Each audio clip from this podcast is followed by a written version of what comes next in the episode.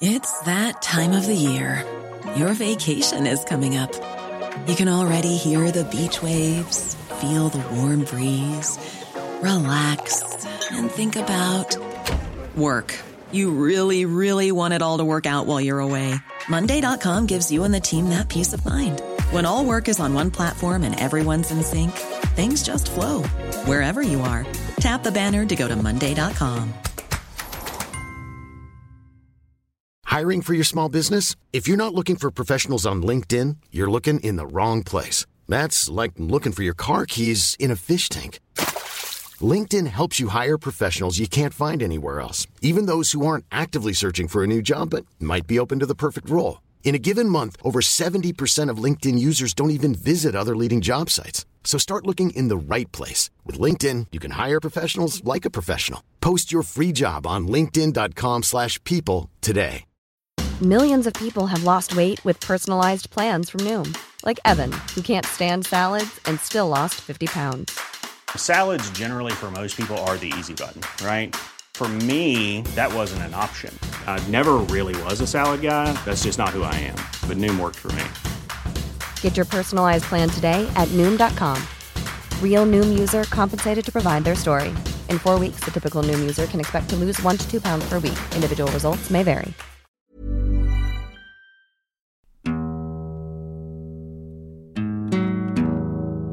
Hei og velkommen til Ordremsteder. Jeg heter Halsten. Jeg heter Silje. I dag skal vi fortsette å prate om 180-samtalen. Ja, det var mye å si om det, og de her opplysningene vi kom med i dag, syns jeg er veldig interessant og viktig å snakke om. I forrige episode nevnte vi at Lars skal ha vært til stede i Svaleveien 12. mai 1999, men at telefonen hans beviselig befant seg andre steder i Oslo da den aktuelle 180-samtalen var tatt fra Svaleveien. Dette ble opplyst i TV-serien Gåten Orderud, men vi vil presisere at det står noe annet i boka til Øystein Millie og Olav Næss.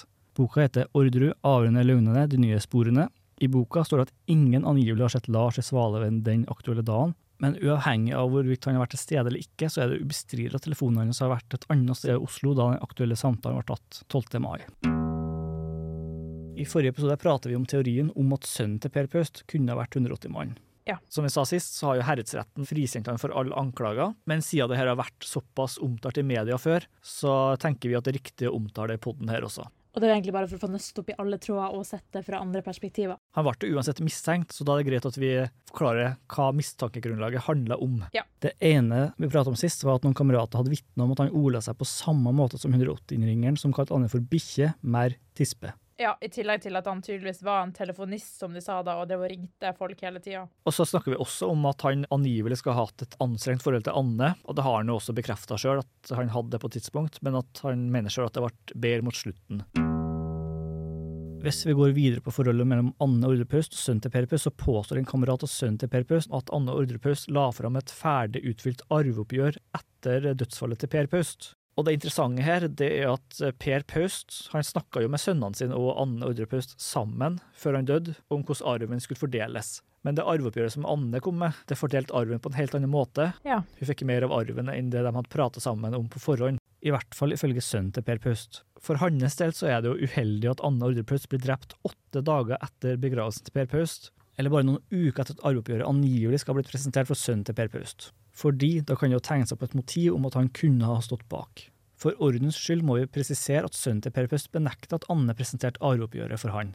Ifølge han ble han først gjort oppmerksom på arveoppgjøret fredag etter trippedrapet. Ja, så her er det rett og slett lansert et annet arvemotiv, bare mot en annen familie. Det er veldig interessant at Anne hadde et arveoppgjør på begge sider av familien, både med Per og med sønnene til Per Paust. Så forsvarerne til Per og Veronica Order prøvde å sannsynliggjøre at Kristin Kirkem og Lars Grønnerød kjente sønnen til Per Paust for å knytte dem sammen i saken. Det har Lars og Kristin begge avvist, at de kjente sønnen. Ok, det her er bare en vill teori, men kan begge sidene av familien ha gått sammen for et, liksom, et svært arveoppgjør? I tillegg så var det jo også snakk om at sønnen til Kristin skulle arve gården etter Per og Veronica, så det kan jo, og det her er jo som sagt bare spekulasjoner og vill teorier, ha vært Kristin med tanke på sønnen, sønnen til Per Paus med tanke på arveoppgjøret etter farens død, og Per og Veronica med tanke på arveoppgjøret til foreldre og gården og alt det der. Da er det i så fall mange parter som alle tilsynelatende kan ha et arvemotiv på hver sin måte. Og vi vet jo at penger ofte er et av de største motivene i sånne betente saker, så det kan jo være. Penger og arv det er jo et klassisk Ja. eh, motiv i krimsaker og Ikke krimromaner og diverse. Men så er jo spørsmålet hvordan skulle alle de her kommet seg i hermetegn unna med det? Og hvorfor har de ikke dratt inn sønnen til Per Paust i saken? Kristin skyldte jo på Veronica, Veronica skyldte jo på Kristin, men ingen pekte jo direkte på sønnen til Per Paust. Altså, Det fremkom jo i små teorier, men det var ikke i samme kaliber som de pekte på hverandre. Men eh, som sagt, det her er kun eh, spekulasjoner. En kamerat av sønnen til Per Pøst vitner om at han var rasende på Anne over arveoppgjøret, og at han skal uttale at nå skal han ta Anne. Ja, det er også veldig uheldig for Anne. Så det er en litt uheldig uttalelse med tanke på at Anne ble drept noen uker eller dager etter han angivelig skal ha sagt det her. Ja, det er litt på samme nivå som det de fant i dagboka til Veronica, altså 'jeg ønsker dem døde'. Det er liksom samme uheldige uttalelse. Du skal ha fryktelig uflaks, ja. At uh, du skriver noe sånt eller sier noe sånt, og så blir vedkommende drept. Ja. Sønnen til Per Paust har på sin side nekta for at han skal ha sagt noe sånt. Og han har også sagt at han ikke var sur på Anne, og at han bare ble overraska over endringer i testamentet. Men at det her ikke var noe han bar noen nag over, og at han ifølge seg sjøl oppdaga det noen dager etter drapene skjedde. Ja, og det kan jo være å underdrive sin egen reaksjon, for jeg ser jo for meg at mange hadde blitt veldig sint og skuffa på faren sin når eh, et løfte ikke ble holdt, men det kan jo også hende at han bare ikke vil sette seg sjøl inn i saken, unødvendigvis han ikke er en del av det, og derfor undergrave sin egen reaksjon bare for å ikke bli knytta til saken, selvfølgelig. Det kan hende. Det betyr jo ikke at han har drept dem. Det kan jo også hende at det liksom, du vil ikke bli tilkobla en sak du ikke har noe med å gjøre.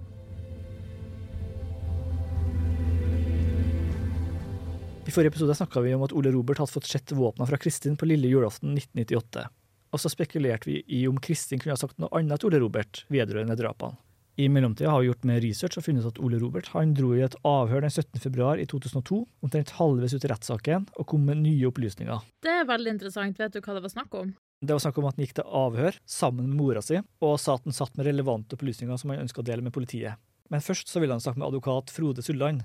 Frode Sulland er advokaten til Veronica Orderud. Mens de venta på Frode Sulland, så snakka han om Balkans mafia, og at nå måtte han prate i hermetegn. Det står for øvrig i boka til Øystein Millie og Olav Næss, på side 324 og 325.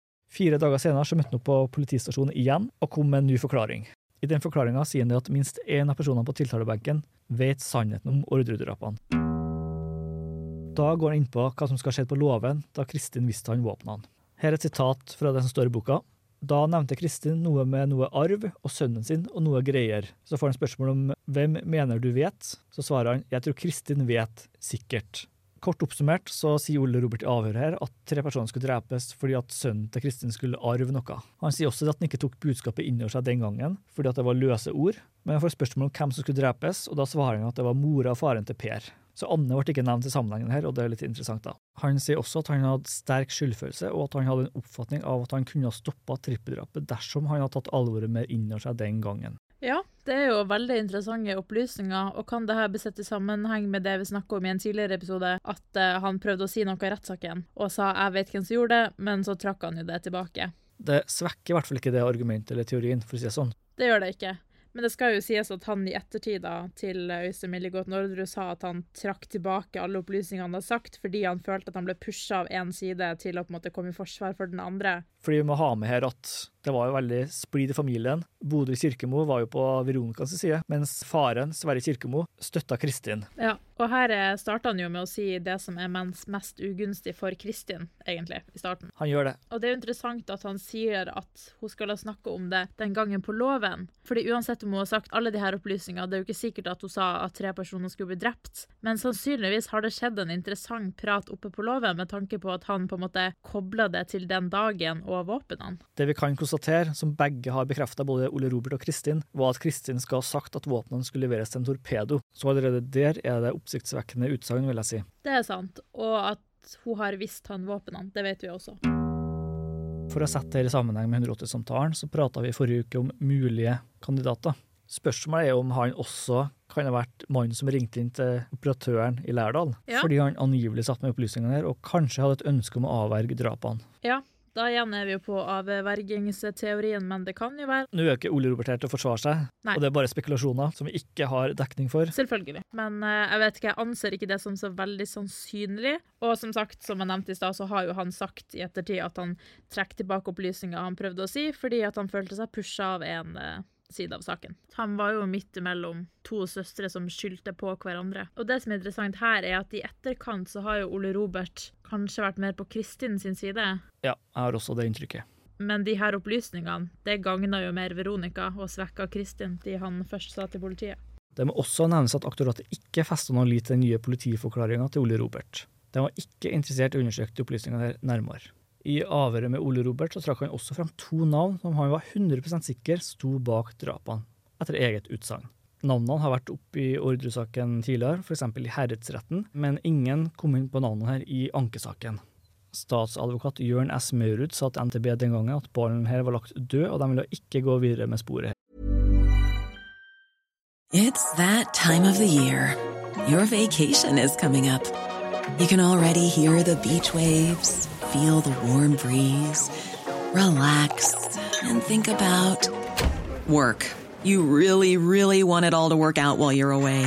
Monday.com gives you and the team that peace of mind. When all work is on one platform and everyone's in sync, things just flow wherever you are.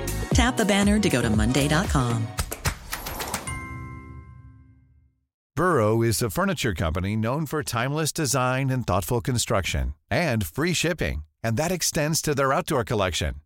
Their outdoor furniture is built to withstand the elements, featuring rust-proof stainless steel hardware, weather-ready teak, and quick-dry foam cushions. For Memorial Day, get 15% off your Burrow purchase at burrow.com slash ACAST and up to 25% off outdoor. That's up to 25% off outdoor furniture at burrow.com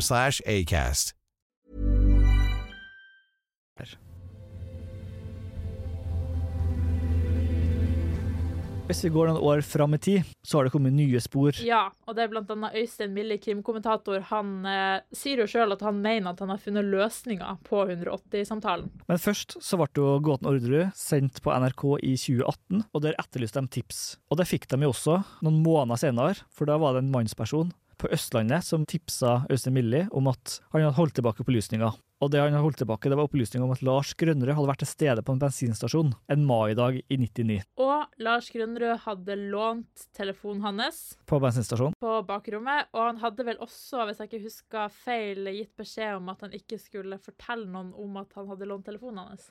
Og det som er interessant her, er også at dette var jo en kompis av Lars, og politiet hadde faktisk den bensinstasjonen som et mulig bevis, men de på en måte sjekka den ut av saken etter hvert. Så her var de kanskje nært svaret likevel, men eh, de fant jo ikke ut av det, da. Ja, I tillegg så mener Øystein Mille at det er flere momenter som peker mot Lars. Ja.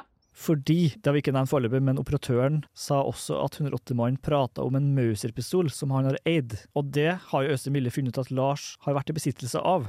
Han undersøkte dommene til Lars før ordresaken og fant ut at Lars ble tiltalt for ulovlig våpenbesittelse. Det var snakk om en Mauser-pistol, samme type som ble nevnt operatøren. Men for ordens skyld så er det ingen Mauser-pistol som er brukt i ordresaken, så den har ingen kobling til selve saken. Men uh, uansett så mener operatøren at det ble nevnt under den samtalen. Ja, og Øystein Milje syns det er rart at ikke politiet, som i hvert fall hadde tilgang til alle opplysninger, klarte å koble det. fordi uansett om ikke de kobla akkurat den aktuelle samtalen der, så var jo Lars selvfølgelig en av de de tenkte kan det være han, fordi det er en mann som er innblanda i saken. Men at ikke de kobla at det var en eh, pistol, at han hadde eid det. De kunne bare undersøkt de tidligere dommene mot Lars, Ja. sjekka etter uh, den Mauser-pistolen, om han har vært i besittelse av noe sånt, og da hadde de sett en kobling med en gang. Og det er jo ikke sikkert at det er Lars som er 180-mannen. Eh, det er jo bare det som i hvert fall jeg anslår nå som det mest sannsynlige, basert på bevis og indisium og alt det der. Ja, Det er jo en del indisier som peker mot Lars, men vi har jo ikke noe håndfast. Og vi må også nevne at Lars har benekta det på det sterkeste. Det har han, fordi Øystein Millie han eh,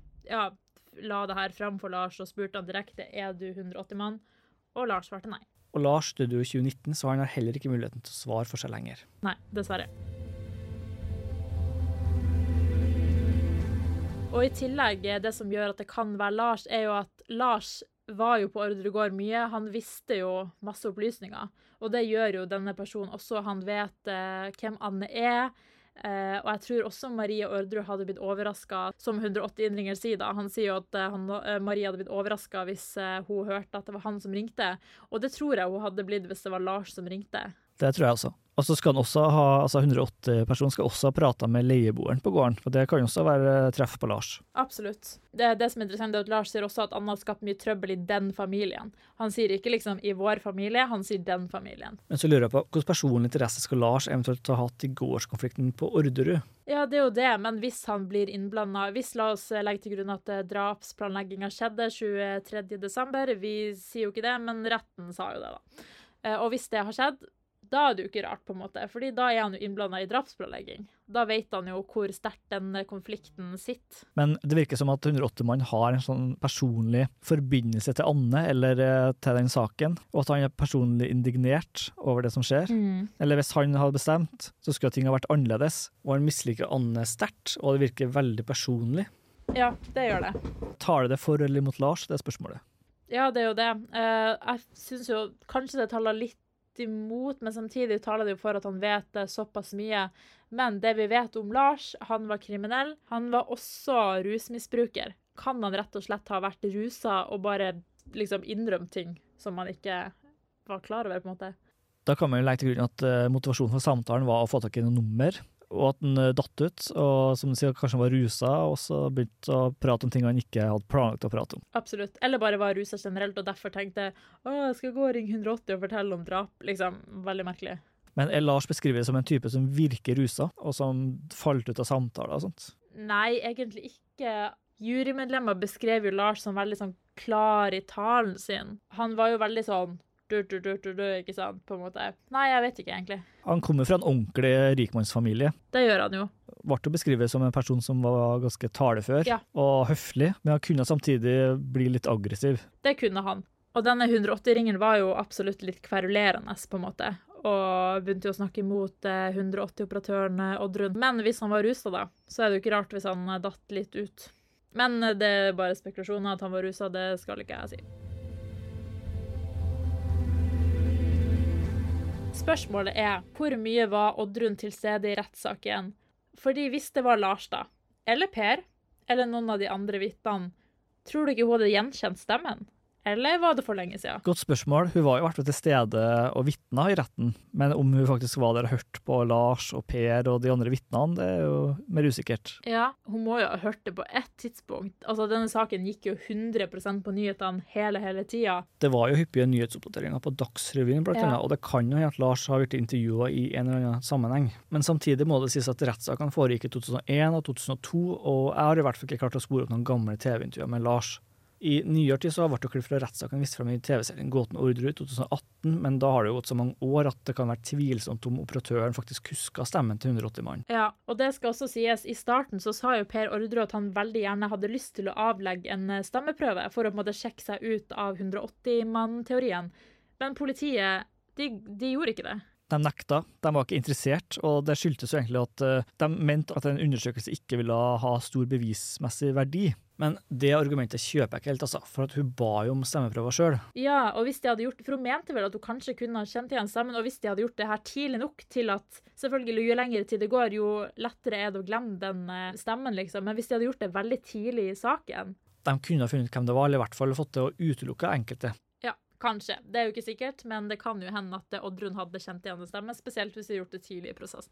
De kunne jo i hvert fall ha hatt eh, Lars og Per sine stemmeprøver, for de var jo sjekka inn i saken eh, dag én saken starta, på en måte. Det tror jeg skyldes, og det er bare min personlige teori, at politiet var ganske sikker på at det her ikke var Per, Ja. og de var redd for at det ville svekke saken mot Per dersom han ble utelukka som 180 innringeren. Det er min teori. Det var nok en tabbe av politiet å ikke la de avlegge den stemmeprøven. I hvert fall når hun sjøl etterlyste en stemmeprøve, og de nekta, Ja. så viser det på en måte en mangel på å gjøre etterforskningsskritt som kan være nødvendig for å oppklare en sak.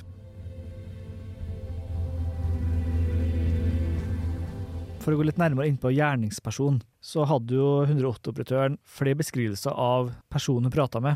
Og Det ene det var at det var en mannsperson som hun trodde var over 50 år. At han snakka østlandsdialekt. At han var høflig, men falt ut innimellom og ble litt sånn småsint. Og hun trodde at han bodde i Oslo, fordi at eh, han beskrev at det var ca. 45 minutter fra der han bodde, til Sørumsand. Og hvis vi sjekker ut Lars Grønnerød, så bodde han på Frogner, og et raskt søk i Google Maps viser at det faktisk er akkurat 45 minutter fra Frogner til Sørumsand. Ja, det er jo Og det kan jo være en ren tilfeldighet, egentlig, for det er mange steder fra Oslo som er sånn cirka fra samme avstand, da, men eh, det er i hvert fall eh, et moment som ikke utelukker Lars. Nei, det er absolutt ikke. Jeg vil heller si at det knytter han mer inn i saken. Men hun trodde han var over 50 år, og Lars var jo 41 på det tidspunktet. Samtidig så hadde jo Lars veldig sånn grov mannestemme. Altså sånn, Han kan jo høres litt eldre ut basert på å bare høre. Jeg tenker uansett at det er vanskelig å anslå alderen til en person bare ved å høre på stemmen til personen. I hvert fall hvis du ikke har møtt personen før. En ting som kan være verdt å nevne, da, er at eh, innringeren sier at han har prøvd å få tak i Christian og Maria Orderud. Han har prøvd å få tak i Anne og Per Paust. Han har prøvd å få tak i leieboeren. Altså alle på Orderud går rundt familien, forutenom to stykk, Per og Veronica. Hvorfor vil han ikke ha nummeret deres, tror du? Nei, Det kan jo for det første skyldes, hvis vi legger til grunn at det er Lars, at uh, han ikke ville ta kontakt med Per og Veronica, fordi da ville han blitt gjenkjent av dem, og da ville de ha varsla politiet. Eventuelt at de sammen var med om drapsplanene, og da er det ikke noe poeng å ringe dem for å varsle om det drapet, hvis han ville varsle om det uten at de visste om det. Nei, det er sant. Og uansett om det er Lars eller ikke, så kan det jo være som du sier, at vedkommende kjente Per Veronica, og ikke ville bli gjenkjent. Ja, for hvis det er Lars, så er det jo mindre sannsynlig å bli gjenkjent av Marie og Christian, tenker jeg. Fordi at eh, Per hadde jo ikke noe kontakt med dem de to siste årene, og da er det også sannsynlig at Lars ikke har hatt så mye kontakt med dem. Ja, men det er jo sannsynligvis, som vi har sagt tidligere, da, at personen kjenner til Marie, siden han sier ja, hun ville blitt overraska om det var jeg som ringte. Men det er jo forskjell på å kjenne til da, og kjenne godt, sånn som han gjorde med Per og Veronica. Kanskje, vet ikke. Så som jeg tolka så virka som han har prata med Maria før, i og med at han sa at hun ville blitt overraska hvis han ringte, Ja. og han omtalte henne som en hyggelig person, så det tyder på at de har prata før, i hvert fall. Eller kan det her styrke teorien om at det er Per? Ja, for da er det jo ikke noe poeng å ringe seg sjøl. Nei, hvis man bare ser på bevisene, men eh, Hvis det er ringt fra Orderud gård, men det er det vel sannsynligvis ikke gjort, fordi at de 513 samtalene som politiet mente var aktuelle, ingen av dem ble spora tilbake til Orderud gård. Nei, og 180-operatøren kjente jo igjen at det var et Oslo-nummer. Så da må i så fall Per ha kjørt det til Oslo, stille seg på en telefonautomat, jeg vet ikke. Eller nei, fordi det var en fasttelefon. Antageligvis fordi operatøren mente å huske at de to første sifrene var enten 22 eller 67. 22-nummer kom fra Oslo, mens 67 var fra Akershus. Ja, og det har man jo ikke på mobiltelefoner. I tillegg må vi si at vi ikke kan konstatere at han ikke har ringt til Per og Veronica. Han har ikke nevnt det til operatøren, men det betyr jo ikke at han ikke kan ha gjort det. 180 mann eh, sier jo at han har snakka med bl.a. leieboeren på Orderud gård, men vi vet jo ikke om det er samme dag som han nå forsøker å få telefonnummeret til eh, Så i forlengelse av det så kan det også hende at han har ringt Per og Veronica, eventuelt på et tidligere tidspunkt uten at de har svart. Det kan være, og at det ikke har blitt spora fordi de ikke har tenkt noe spesielt over det.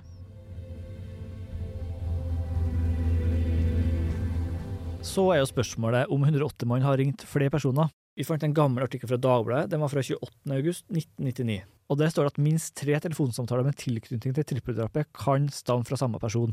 Ja, hvorfor det? Fordi at det var en samtale som ble ringt inn til Anne Orderud Paust og Per Paust sin nærmeste nabo etter det andre attentatforsøket i august 98.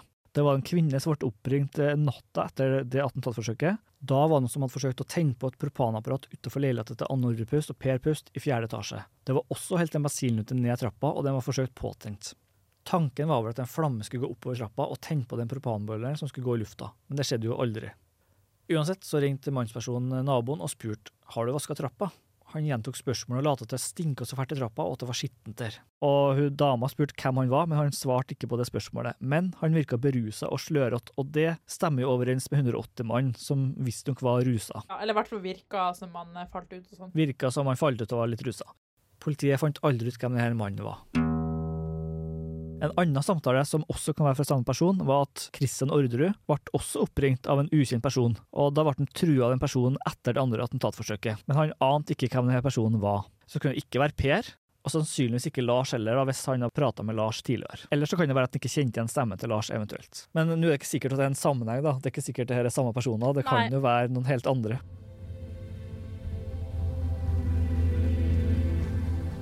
Det var del to om 180-samtalen. Vi skal fortsette å prate om det her i neste episode. Da skal vi gå inn på eventuelle motiver for samtalen. Ja.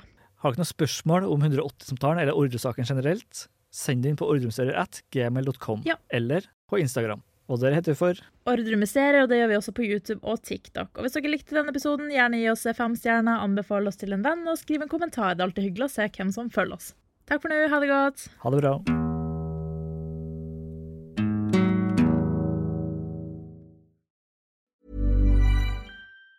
Planning for your next trip? Elevate your travel style with Quince. Quince has all the jet setting essentials you'll want for your next getaway, like European linen, premium luggage options, buttery soft Italian leather bags, and so much more. And it's all priced at 50 to 80% less than similar brands. Plus, Quince only works with factories that use safe and ethical manufacturing practices. Pack your bags with high-quality essentials you'll be wearing for vacations to come with Quince. Go to quince.com slash trip for free shipping and 365-day returns. Planning for your next trip? Elevate your travel style with Quince. Quince has all the jet-setting essentials you'll want for your next getaway, like European linen, premium luggage options, buttery soft Italian leather bags, and so much more. And is all priced at 50 to 80% less than similar brands. Plus, Quince only works with factories that use safe and ethical manufacturing practices. Pack your bags with high-quality essentials you'll be wearing for vacations to come with Quince. Go to quince.com slash pack for free shipping and 365-day returns.